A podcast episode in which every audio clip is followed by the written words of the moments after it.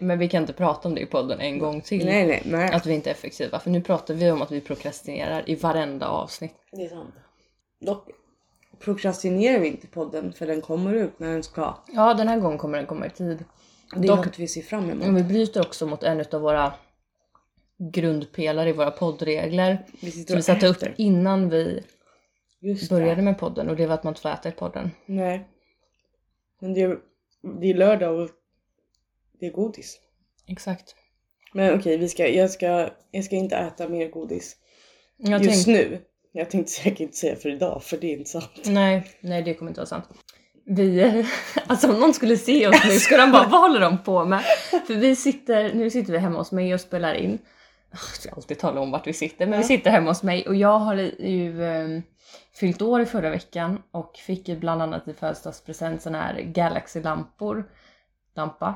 Eh, om ni har hört talas, eh, inte hört talas om det så är det någon slags, alltså det är ju LED-lampa i någon en lampa som är liksom som en liten kupol. Vad Alltså som en heta? Som, en, discolampa som ett prisma. Ja. Nej men ja, skitsamma. Den i alla fall reflekterar eh, ljus då i taket och liksom eh, laser, eh, Ja, jag- stjärnor typ. Jag ser he- säkert helt förundrad över för Ja. jag sitter verkligen och tittar upp för jag tycker att vi, det var det, så det, är det, vi har på de här lamporna nu och båda bara sitter och stirrar rakt upp i taket. Framförallt Emma som nu, ja vi, eh, det har börjat att skymma lite grann ute så det är inte soligt rakt in vilket gör att det syns väldigt mycket bättre när det börjar bli lite mörkare i min lägenhet.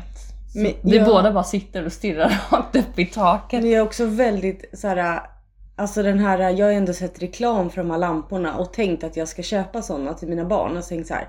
nej men det där är en sån här reklam du En vet. scam. Ja exakt. Men nu inser jag att det är det inte. Det här är verkligen, det är verkligen som på reklamen. Ja alltså det, det är så fint. They did good. Alltså Det är verkligen. som olika färger och olika inställningar. Alltså nej, Nej, det är det här är- jättevärt.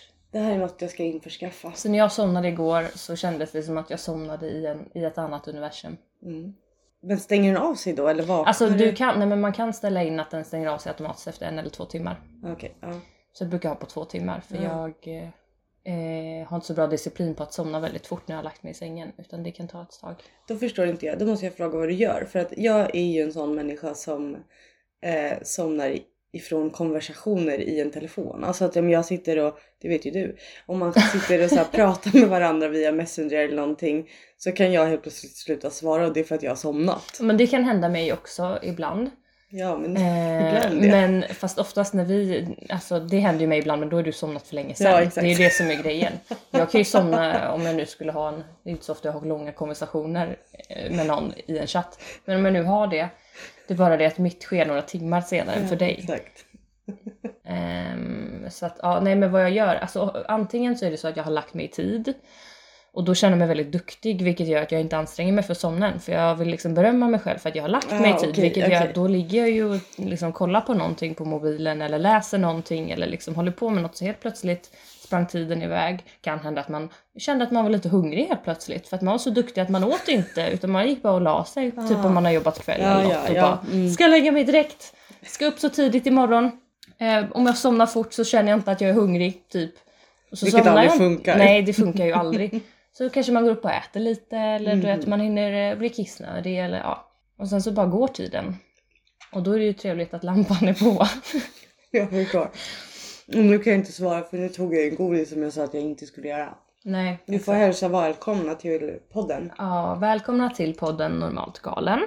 En podd mellan himmel och jord. Ja, just det. En podd om psykiatri och allt mellan himmel och jord. Ja, precis. Jag Du liksom glömde huvudämnet psykiatri, bara mellan himmel och jord. Ja. Eh, Och den är en podd med oss två som är sjuksköterskor inom psykiatrin. Och vi heter så mycket som Rebecka. Och Emma. Så välkomna hit. Eh, vi sitter fortfarande... Jag vet inte varför jag, så jag har ändå haft den här lampan några, tim- några timmar. I några dagar. Jag vet. Nej, det blir liksom smittar av sig. Bara för du sitter och Jag stirrar så stirrar jag. Det, var...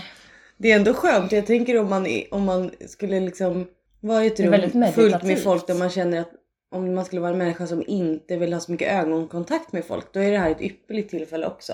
Att köpa såna här lampor för då står ju alla och tittar i taket Ja, för istället. folk tänker inte så här, vad tittar hon på? Nej exakt. Vad är det för fel på henne? Utan eh, det är tur att jag inte har en lägenhet i typ bottenvåning. Folk går förbi utanför. Nej det är sant. Vad fan håller de på Jag skulle i och med för sig aldrig vara en... Någonting jag inte förstår. Det här, Ja. det här är något jag skammar. Oj spännande. Det är folk som bor... Eh, alltså det blir ju ett större problem då om man bor eh, långt ner. Antingen bottenvåning eller liksom Ja. kanske... Eller i hus eller så. Och så är det väldigt, eh, alltså inne numera, sån här design med väldigt, väldigt stora fönster. Ja. Alltså nybyggen, både lägenhet och hus Mm. har ju de här enorma Mm. fönstren. Och så har man, har man liksom inte typ gardiner. För det är också inne och inte ha gardiner. Nej det är också ja. inne. Och så bor man som i ett skyltfönster. Jag förstår Mm, nej. inte, har folk inget att dölja? Nej det kanske Jag har jättemycket att dölja. Men jag har tänkt på det också, du vet man går förbi någons hus. Man bara, ha de kollar på, eh, nu kommer jag inte på något bra program, men eller så här, aha, de kollar på Handmaid's Ja. Tale. Okej. Ja, men det är ju det. När man själv går förbi ett sånt fönster, Ja. man kan ju inte låta bli att Nej, titta. det snälla, fast man titt- inte vill. Nej, men du, ti- man tittar. Då känns det som att jag ofredar dem när jag liksom Ja. tittar in. Fast det, det Fast de blir får ju skylla sig De själva. bjuder ju in till det. Ja. Nej jag, först, jag förstår inte. Nej, jag, jag vill inte bo så. Nej. Långt ner eller överhuvudtaget ha stora fönster. Nej, nej för det är det. Jag skulle ju då istället ha liksom ha det stängt hela tiden. Då blir man ju, det känns ju jätteinstängt. Jag trodde du skulle säga jag vill hellre bo och inte ha fönster alls. Nej men jag menar om jag skulle ha ja, sådana då stora skulle fönster. du ha fördraget då skulle jag ha tiden. fördraget. Ja men och då förlorar man ju poängen med att ha fönster. Ja, för att även i min lägenhet där jag bor så har jag, jag bor ju liksom i en liten lägenhet och Mm, jag bor tre ja. våningar upp. Men huset mitt emot är liksom ganska nära, så det är en rätt så smal gata och sen så Ja. är det ett eh, lika högt hus på andra sidan gatan, vilket gör att mitt enda fönster, eller jag har två fönster, det ena är i köket, där är en liksom heltäckningsgardin som är nere typ dygnet runt. När jag så här, ja just det. Ja, du har inte ens tänkt på att det är ett fönster. Nej. Nej. Typ när jag kanske har liksom städat och känner att det är så fräscht och fint hemma, nu vill jag ha in lite ljus och det är fint. Ja, då drar jag upp Ah, okej. i ja. några timmar tills det liksom är dags att byta om eller göra något som man inte vill att folk ser. något jättesuspekt men Jag tycker alltid det låter roligt när du säger såhär, när man gör saker som folk inte... Ah, jag, jag Ja, och sen har jag fönstret i mitt vardagsrum. Och det är ju ändå ett, ja, men det är ett ganska stort fönster. Ja, det är Och det. där, ja, min kompromiss blir att jag har persiennen nere hela tiden fast lite vinklad så jag får in ljus. Men ingen ser. Nej, för det är ju det att det är ju liksom exakt i samma höjd så har- ju de mitt emot ja fönster. det är sant. Och eftersom jag bara har ett rum, ska man byta om eller vad som helst, ja då står man där. Mm. Men det är som i typ vårt sovrum har jag alltid gardinerna för. Jag för att det menar det. också är så. Ja. Alltså, Och det är det, det här blir ju eftersom att Ja, det är men, etta ja, så är det ju liksom mitt sovrum och mitt vardagsrum. precis. Ja, det blev en väldigt lång utläggning om det. Vi kan byta ämne nu. Rebecka bor alltså i ett. vi kan väl, vi kanske kan gå över till direkt bara till dagens, eh, Dagens ämne. dagens ämne. Mm, Och eh, vi har ju haft lite olika teman. mm. Eller egentligen har vi haft två, två teman. Myter inom psykiatrin och sen hade vi ju ett avsnitt om ett specifikt, eh, en specifik diagnos. Ja, ja, precis. Man kan ju inte kalla det tema än eftersom det har bara varit ett avsnitt. Men Men idag... det är tänkt att det ska bli ett tema. Exakt. För sen har vi ju också haft avsnitt som har behandlat lite allmänt om olika, lite olika ämnen. Typ Just så. det, precis. Det var ju det senaste handlade ju, det var ju mer att det var i, det är alltid i ropet, men väldigt mycket det här med våldsutsatta kvinnor och Ja men så. precis. Eller typ när vi diskuterade begreppet psykisk ohälsa Mm. och psykisk sjukdom. Och så Just här. det. Eh, Men tanken är ändå då att, eh, att det här också blir som en liten, för det är någonting som efterfrågas ganska ofta att vi ska prata om ja men det eller det. Ja, kan ni prata exakt. mer om, om autism? Kan ni prata mer om det här? Kan ni, ja. Och vissa eh, sådana ämnen har vi, eh, eller liksom tillstånd har vi sparat lite till där vi hoppas på att få med gäster. Ja, exakt. På tal om det så tänker jag att jag kan nämna att vi tänker att vi ska börja planera lite nu framöver här. Vi har ju liksom velat det länge men det är svårt att finna tid att ta tag i och så med gäster. Mm. Så vi ska börja planera för det nu här eh, inför sommaren Mm. och sånt. Eh, och i, eh, om ni har liksom förslag eller önskemål om antingen eh, specifika personer som skulle vara intressanta eh, att ha som gäster eller liksom att det inte är en specifik person men typ Men, en, en barnmorska eller en Exakt. liksom eller socialsekreterare. något specifikt ämne där det skulle vara kul att ha någon form av gäst. Ja men precis. liksom. Så. Ehm, Alternativt om man själv är en person som skulle kunna tänka sig att gästa Ja. och liksom känna att det skulle kunna vara kul. Eh, vilket som så får ni jättegärna höra av er till oss. Eh, och då kan ni göra det antingen på, eh, på Instagram där vi heter normaltgalen podcast. Eller så går det också bra på, det är vissa som skickar mail Mm, och det går ja, också bra. absolut. Och då heter vi normaltgalen snabel-a gmail.com. Exakt. Eller Och- at gmail.com som du hade sagt. Exakt. och, och mailadressen finns också i vår beskrivning på Instagram. Mm, precis. Eh, om man glömmer bort eller kommer inte riktigt ihåg när man väl ska skriva mejlet. Och inte orkar lyssna om. Exakt. Nej, Nej men Ja. så det får ni jättegärna göra. Åter till dagens ämne i alla fall. Eh, vad ska vi prata om idag? Vi ska prata om ett specifikt, eh, en specifik diagnos. Eller syndrom. Personlighetssyndrom ska vi prata om. Ja.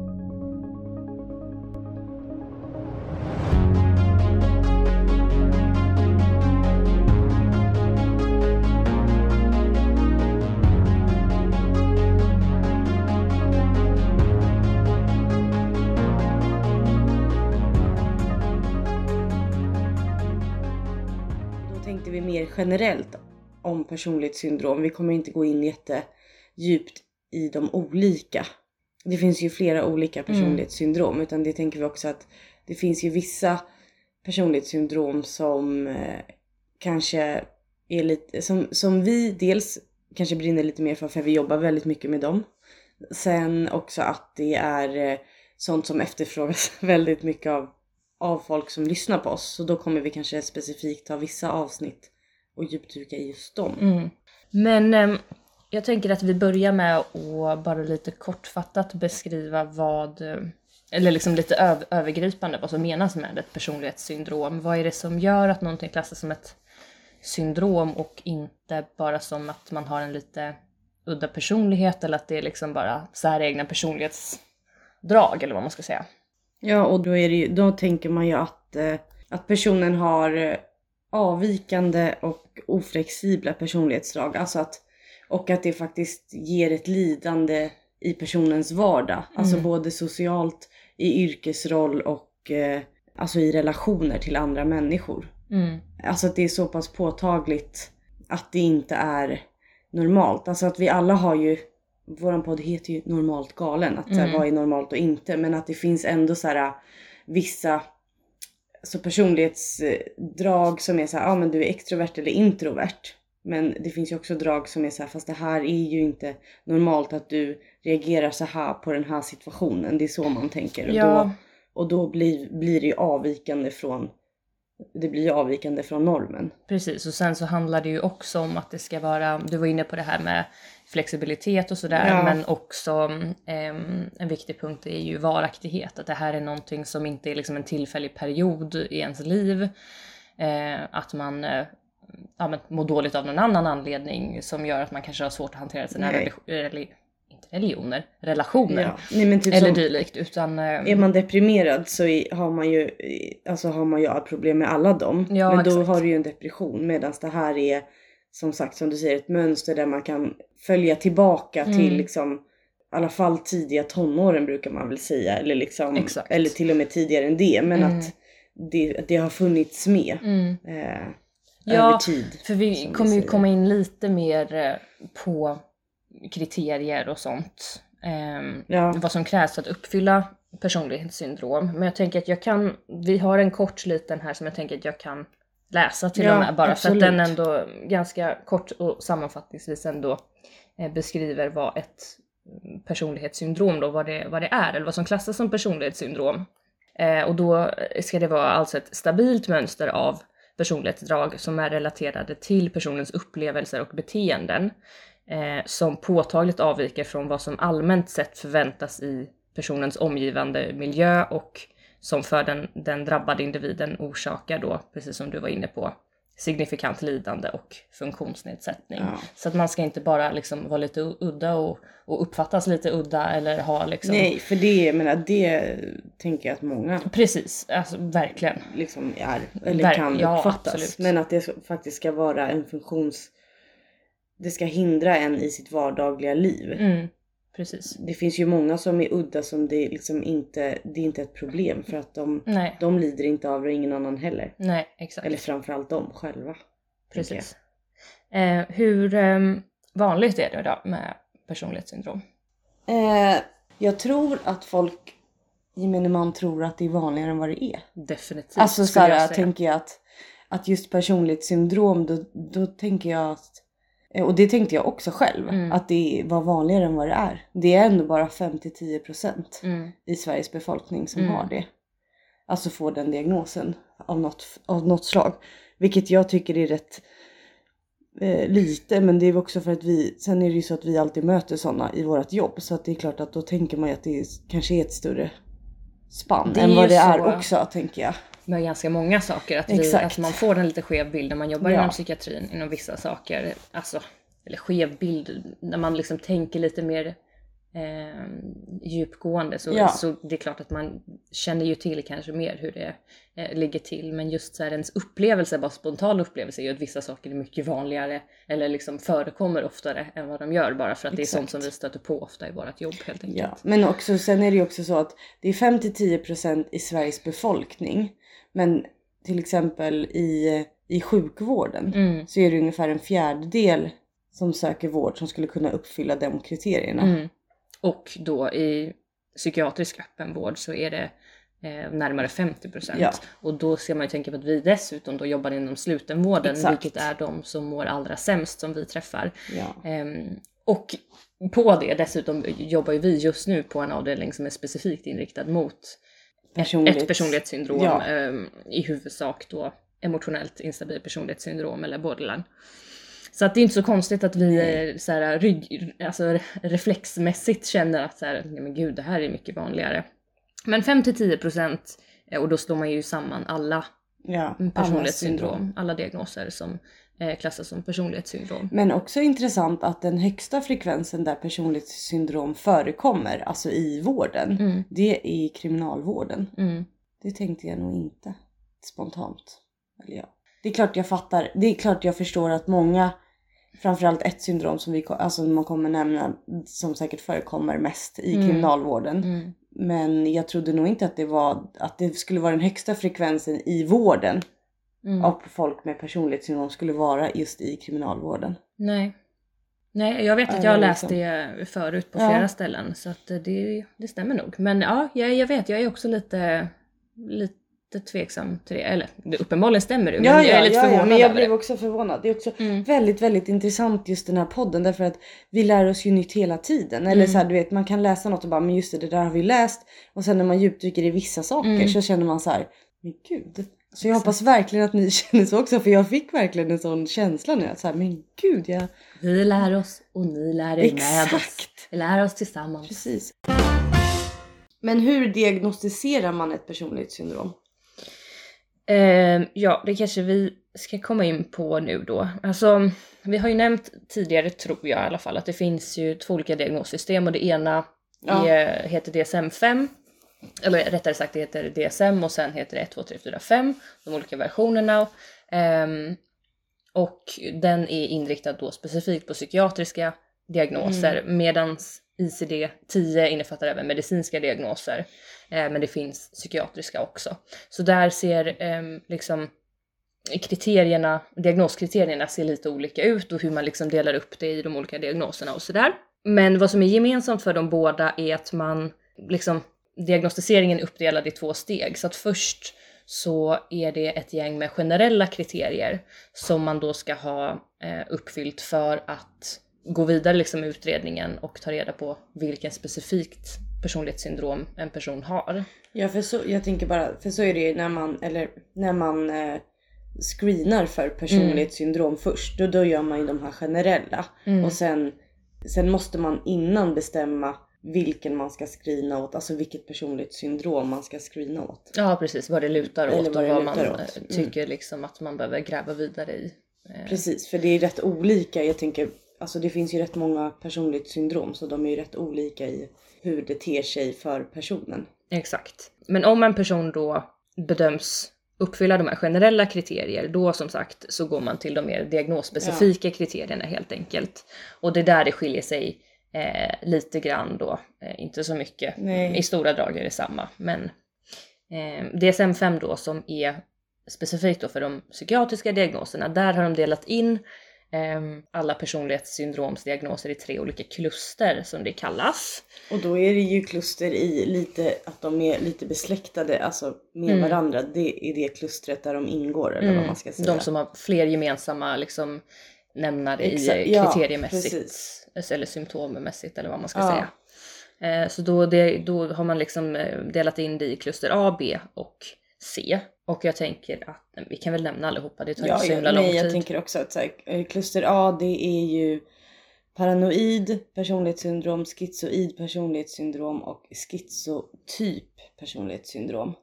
Och sen har vi då kluster B där vi har borderline eller emotionellt instabil personlighetssyndrom, histrionisk, antisocial och narcissistiskt personlighetssyndrom.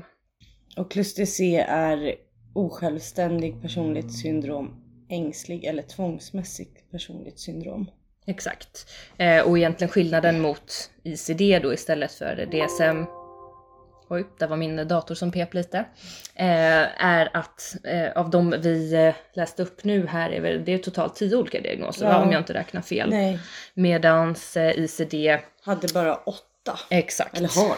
har åtta åtta. stycken Ja. diagnoser som ehm, Och det är inga kluster, där har de ju bara Exakt. diag- alltså, olika. De har bara åtta stycken helt Exakt. enkelt med diagnosspecifika kriterier. Mm.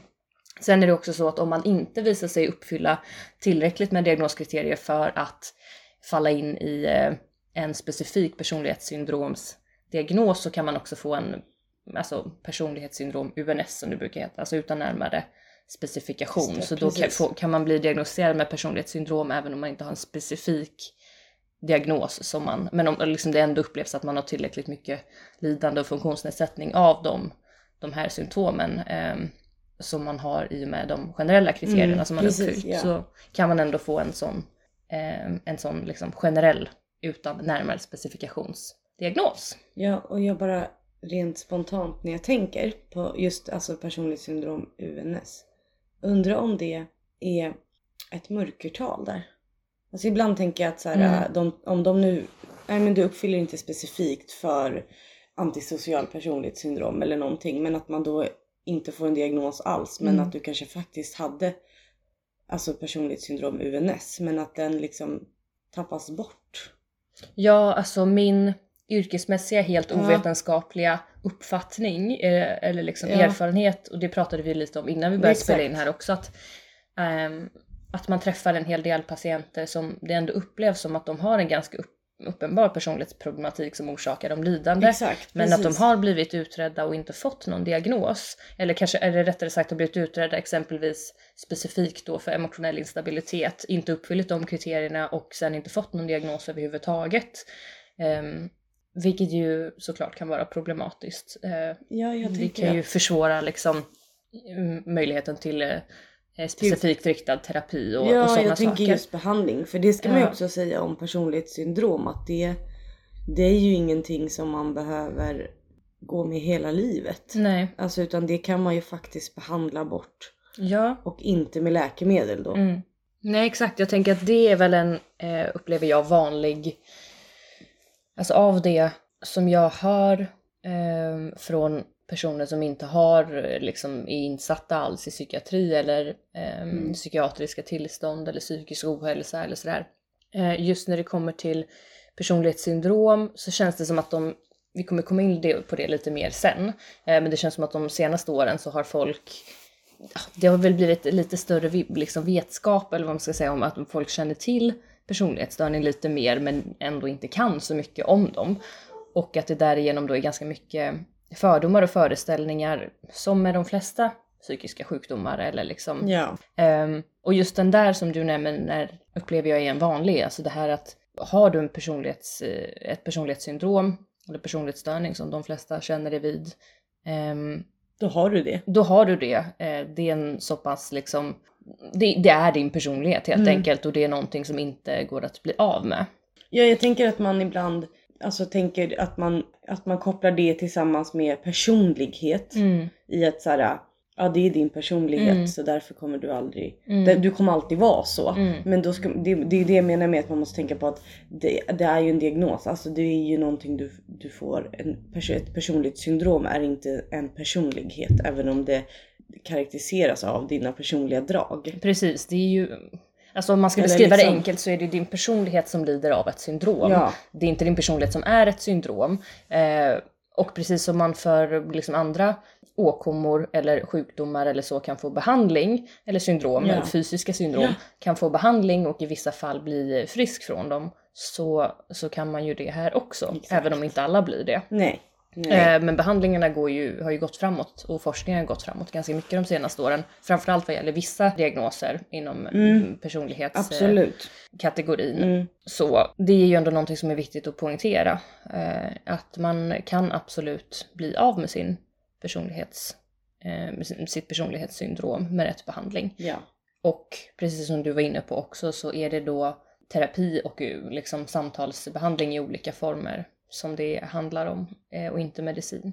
Nej, och då exakt. Det är ju inte mediciner man eh, använder för att liksom bota personlighetssyndromet. Sen är det ju mycket.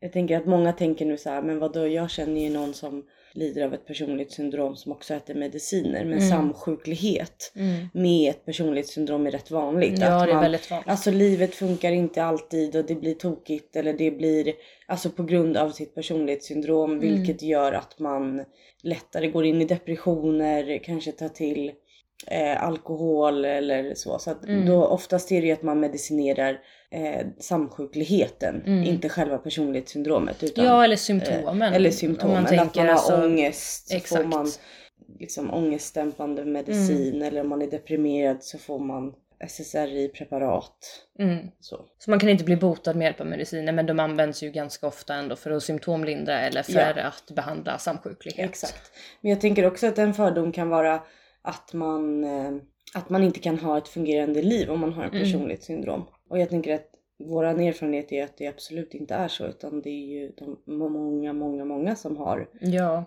eh, till exempel ett jobb så Mm. att de har en fungerande vardag ändå. Mm.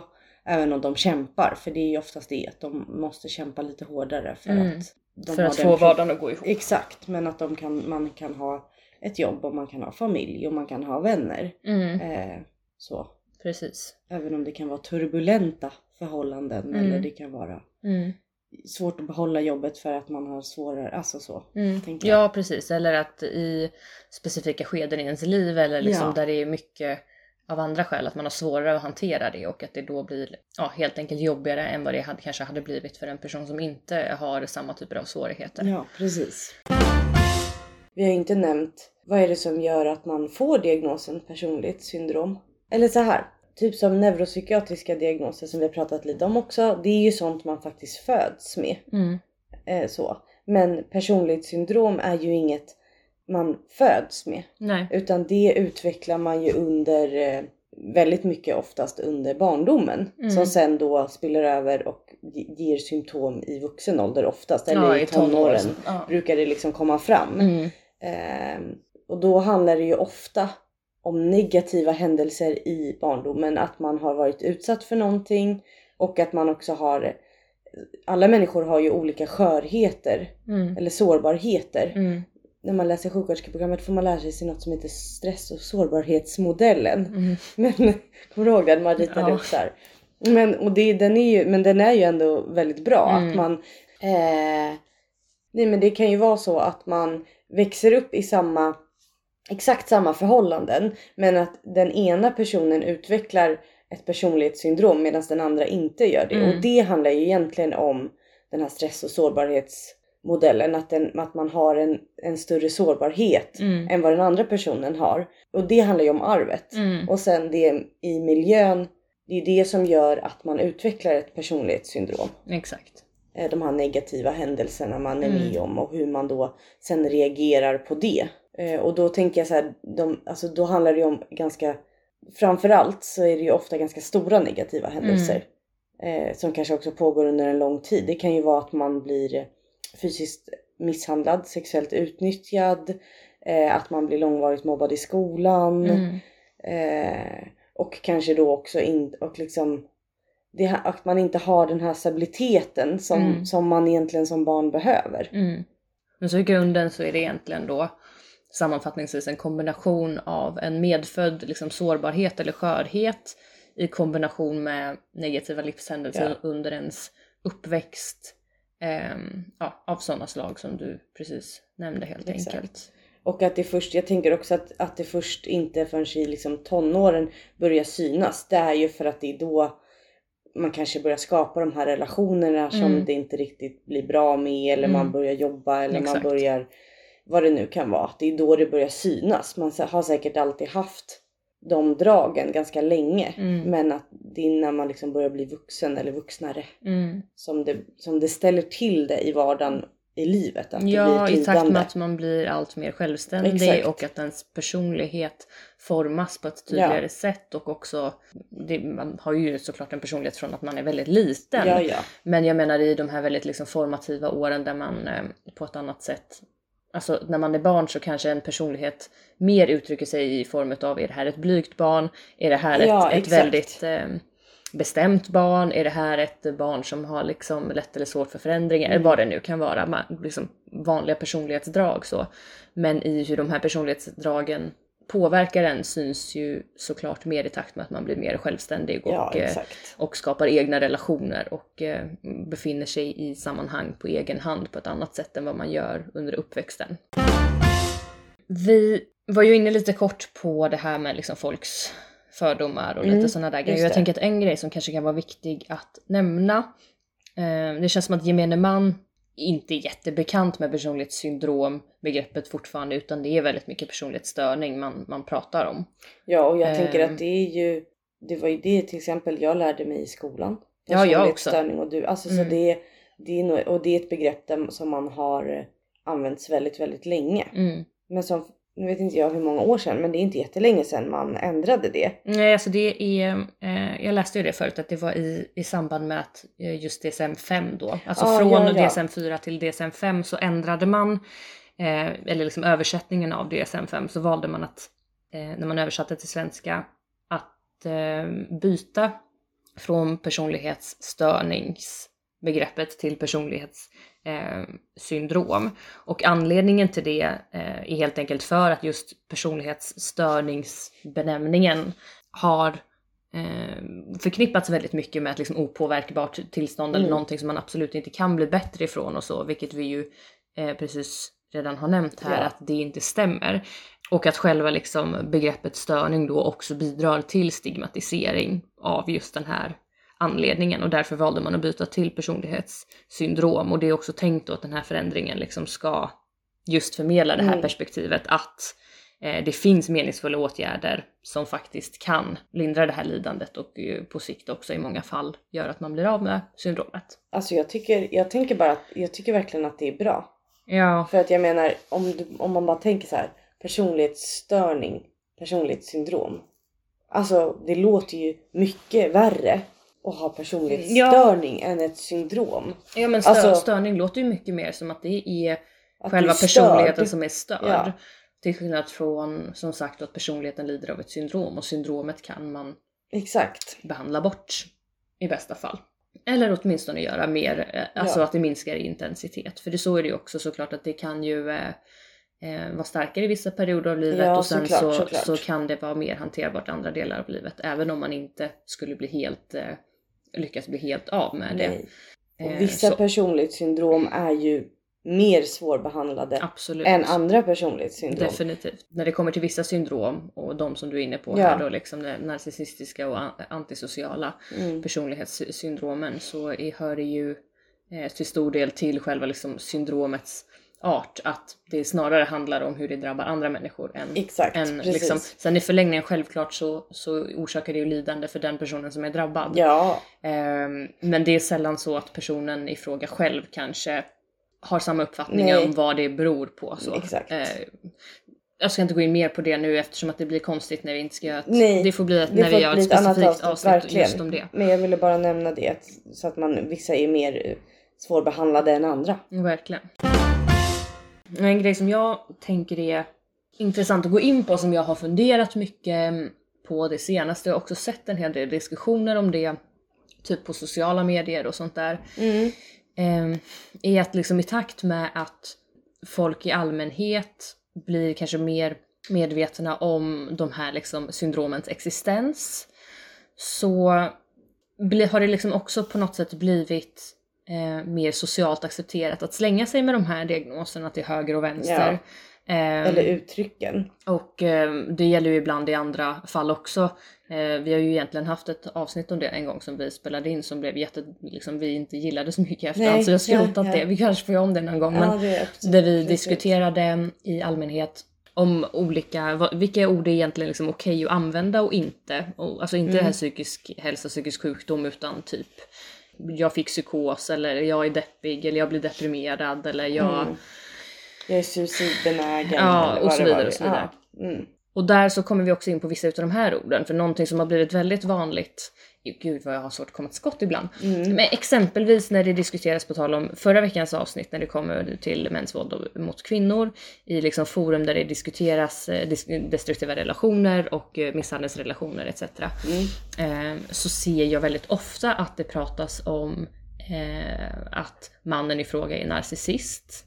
Eller att han är psykopat. Mm. Väldigt ofta narcissist. Väldigt, väldigt ofta narcissist. Ehm, och det, jag har till och med liksom sett förkortningen NEX, vilket då står för narcissistiskt ex. Alltså att man skriver så, mitt NEX, det här, mitt Ah, okej. NEX i och så. Ja, okej. Ehm, och så. Och vad tänker du om det? Men jag tänker att, eh, alltså jag kan ändå, jag kan till viss del förstå att så här, man tänker att man läser och så, så läser man, ja men man googlar till exempel så här någons, sitt, sitt ex-beteende och så säger man Mm. så här, men gud han är narcissistisk. Mm. Men det blir, det blir rätt fel i Mm. att man då hobbydiagnostiserar någon Mm. för att dels kan det ju vara väldigt mycket annat. Mm. Alltså bara för att du är ett ass som misshandlar din fru Mm. betyder ju inte att du kanske är narcissist. Nej. Eller du kanske inte är psykopat. Mm. Sen är många det också. Mm. Men jag tror att, att det blir, eh, jag tänker att det blir krångligt att eller det blir så här, man läser en, nu ska jag ta fram den här boken som jag läste för det stod så himla bra om,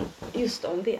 Kommer alldeles strax. Ja, men då kan jag så länge säga att jag tänker att det är Alltså det blir flera lager som är problematiska. Dels så är det stigmatiseringen i hur det faktiskt eh, det sprider en någon slags liksom bild och uppfattning av personer med de här diagnoserna som inte behöver stämma.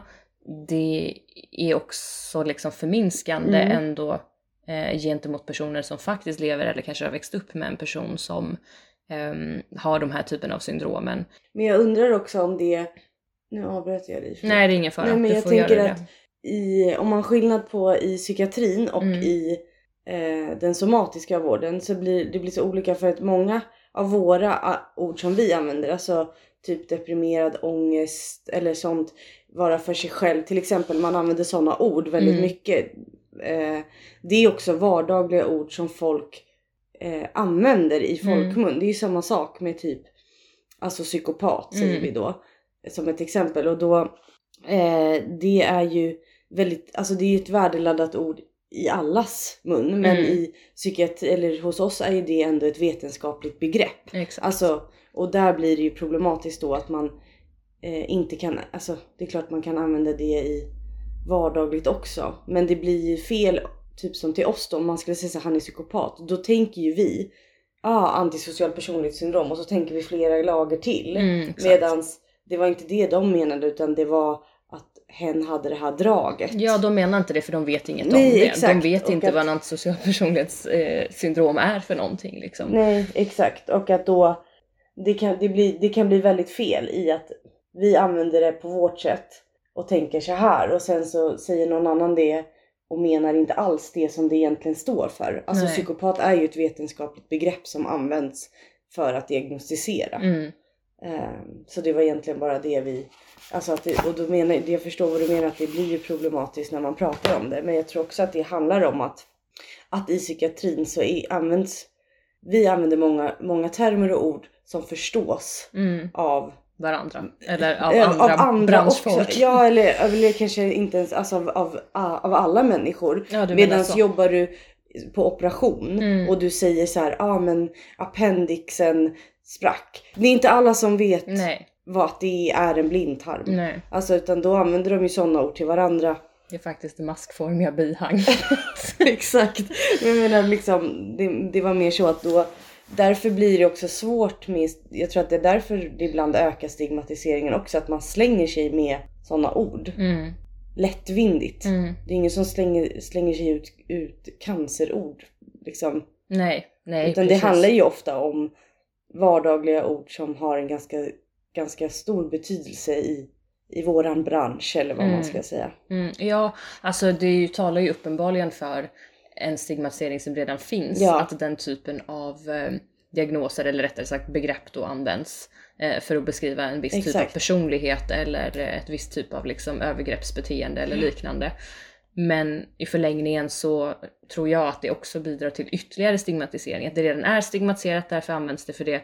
Vilket också gör att det stigmatiserar ännu mer. Ja, för att vad tänker du på när du hör eh, narcissist eller narcissist, eller liksom Ja, narcissistisk exakt. personlighetssyndrom eller antisocial? Jo men du tänker på typ en våldtäktsman Ja. eller du tänker på, ja men liksom. Så. Och bara för att man har, eh, säger att man då har en antisocial personlighetssyndrom Mm. så betyder ju inte det att man begår brott. Till Nej. exempel, alltså jag bara menar på att bara för att du har den betyder Mm. inte det att du gör det och alla som begår brott har inte den personlighetssyndromet. Nej jag tänker att om vi ska prata om mäns våld Ja, mot kvinnor alltså- återigen, den, den största, eller exakt. inte mäns våld mot kvinnor, om vi ska prata om destruktiva relationer Ja, eller våld i ja. nära relationer Precis. så är ju den största gemensamma nämnaren för förövare det att de är män, punkt slut. Ja. Det är inte att de har ett personlighetssyndrom Nej. av något slag. Eh, helt enkelt. Och, och, så det blir liksom problematiskt i båda de lagen. Ja. Att det liksom är förminskande och stigmatiserande gentemot de här diagnoserna. Och så blir det också problematiskt därför att man liksom ser förbi också själva Jo också att, problematiken i att det handlar om mäns våld mot kvinnor. ja, och att det då blir något så här äh, typ ursäkt i att så här, men ja, han är narcissist därför så gjorde Mm. han så här. Alltså Mm. förstår du? Det blir också något så här konstigt. Ja, att han inte kan stå för sina Ja, att handlingar man liksom då. typ. skyller på det Ja. typ. Att, men det är ju inte sant. Nej. Ja, jag förstår. Jag, jag förstår vad du, vart du vill komma. Ja, jag, men det känns ändå som att det är viktigt att nämna för jag har sett det väldigt mycket Ja. och jag tycker att det är någonting som har blivit mer av de allra, allra senaste Ja. åren. Så att även om det är väldigt positivt att det pratas Ja, mer om de här frågorna så tycker jag att det är med stor varsamhet som man ska liksom eh, man ska akta sig för att hålla på och slänga med diagnoser fram och tillbaka som man inte vet någonting om. Eller liksom om man ens överhuvudtaget vet att det är diagnoser. Det är bara någonting man har läst och man har sett någon liten lista på internet och det här är liksom så här är en narcissist. jag tror att det Är är ditt så. ex en narcissist? Det finns ju väldigt många sådana. Så Hur här, många gör som testet, helst. Eller, Ja. Jag gjorde, ap- ja, apropå, äh, apropå det, jag måste bara berätta för det var ändå lite lustigt att det var någon så här, är din eh, relation schysst eller vad det var? Det var något quiz man skulle göra. Eh, och jag måste bara säga att då skulle man fylla i det här och sen så fick jag svar och jag var ju helt såhär, alltså jag kom ju på att min relation är schysst. Så fick jag svaret. Din relation, är- det låter inte som du har en schysst relation. och jag kände bara, Du bara så här 10 år och två barn in. men alltså jag och grejen Måste jag sluta Johan? Vår relation är inte schysst. Exakt och då kan man också tänka så här folk som ändå känner Johan också vet ju att det verkligen är en schysst relation. Men då, och då var ju frågorna vinklade på ett sätt som, som var så här. Har, har, har du någon gång typ vad det nu, jag kommer inte ihåg, det var någon så här kom, ganska så här. Jag förstår att de ville få det till att någon var svart, jättesvart sjuk men det var en så här bagatellfråga som är så här, jag, all, jag hoppas att alla svarar ja för att har du någon gång fått frågan vart, vart du ska gå när du ska gå ut? Alltså, Typ, jag, alltså, jag tror vad jag att menar? ehm, det här är väl också ett quiz som riktar sig till ganska unga personer. det tror jag säkert men jag fick som i alla inte fall att har jag har varit inte schysst relation. gifta i flera år och har Nej. två barn tillsammans. Det var ändå kanske. sjukt. Ja, det var ett sidospår bara. Jag var tvungen att, jag kom på att tänka på det när vi pratade om det här.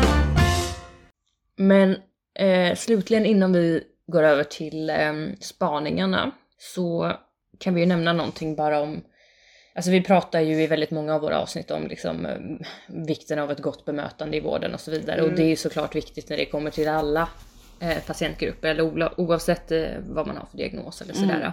Men just när det kommer till personer som har eh, personlighetsrelaterad problematik så är det ändå så att ehm, alltså i, i, i olika grad så innebär ändå själva liksom, diagnosen eller problematiken i sig att man har brister i samspelet med andra människor i Ja. relationer och sånt och det speglar ju sig såklart också i samarbetet med vården och att, man, att det kan liksom försvåra.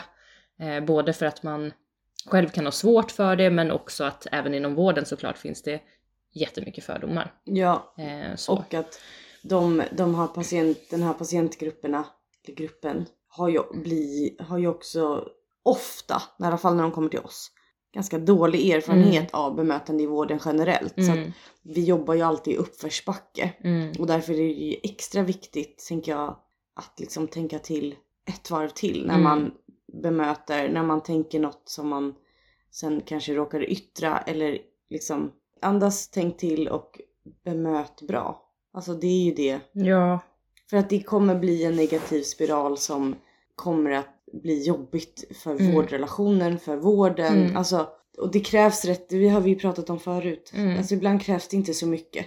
nej. Liksom, utan man Nej. måste också kanske tänka att som sagt, ta inte saker personligt om, som man är vårdpersonal utan Mm. att de här personerna, jag menar inte att man får säga vad man vill eller att man, har, det, man ska ursäkta sig men att man bemöter det ändå på ett schysst sätt. Man kan också säga, man kan säga rakt ut sen, det där känns inte okej att du säger men Mm, för det här och det här. mm, Att så här, förklaringar och förståel eller förståelse för vissa uttryck Bakgrunden till vissa Ja, be- beteenden exakt. helt enkelt. Precis. Jag vill sist av allt bara säga, för du nämnde ju tidigare det här med att det är vanligt med samsjuklighet. Ja, Och det gäller ju också, alltså just när det kommer till det här med bemötande och sånt så är det ändå så att personer som har personlighetssyndrom eller liksom personlighetsrelaterad eh, problematik, även om man kanske inte har fått en diagnos, alltså de, behand, alltså de får sämre behandling faktiskt Ja. både många gånger psykiatrisk och alltså även vid fysisk ja. eh, sjukdom.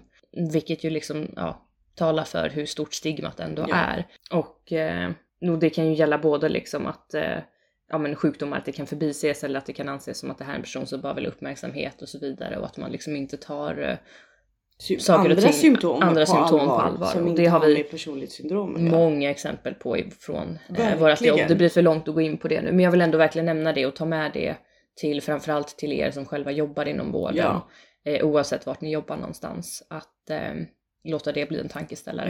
Ja, verkligen. Och med det sagt så tänker jag att vi går över till avsnittets spaning. Ja.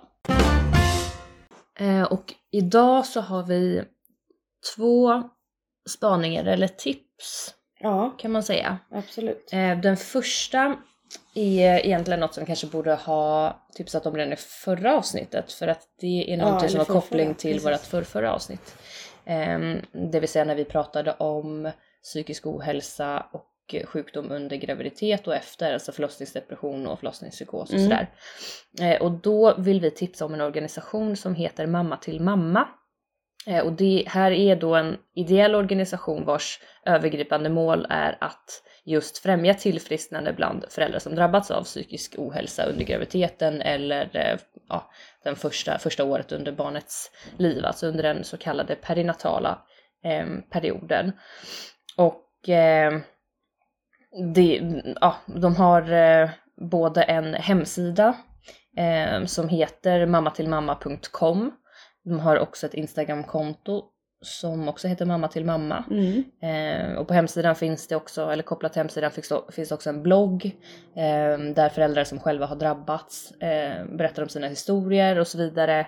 Man kan bli medlem och stödja deras organisation. Exakt, så både tips att, eh, att stödja om man har möjlighet Ja. och vill göra det, eh, men även att vara inne där och läsa om man bara är intresserad, om man själv har blivit drabbad eller om man har någon i sin närhet som har blivit eller som man misstänker har blivit drabbad så kan man få jättebra eh, stöd där och eh, Ja, alltså jätte, jättebra organisation. Den behövs ju verkligen. Ja, och den eh, drivs då på, på volontärbasis och fokuserar mycket på mail och chatt i nuläget. De, de hoppas på i framtiden, enligt hemsidan då, att också eh, kunna inkludera möjligheten med personliga möten.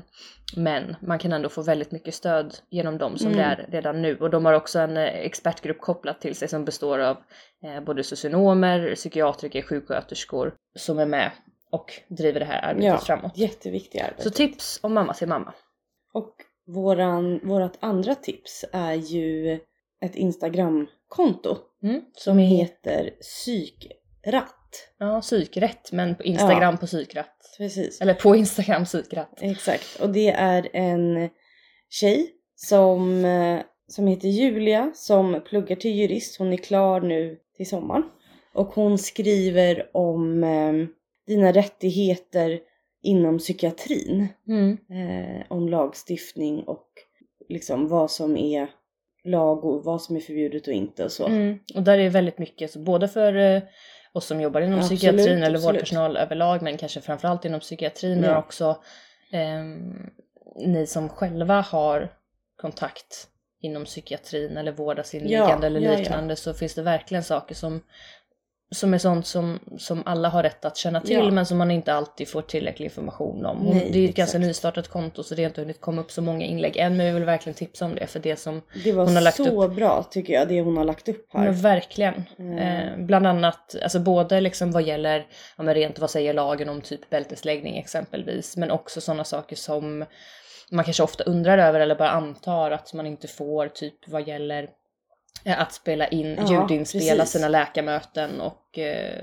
sådana saker. Vad är lagligt och inte, Ja. liksom, vad säger lagen? Det kan också vara skönt ibland för att jag tänker också att, att alltså, som patient att man har lite, man kan ha lite på fötterna för ibland kan det ju till och med vara så att, att vårdpersonal tror Mm, vissa saker, alltså till exempel vi säger att det är olagligt Mm. medan det kanske inte är det. mm. Och då kan det vara skönt att veta att man kan läsa där. Ja precis, för att just när det gäller typ eh, LPT-lagen och Ja. sådana saker, visst där, där brukar Ja, ju liksom exakt. vårdpersonal väl ändå kanske ha förhoppningsvis bra koll på Ja. vad som gäller.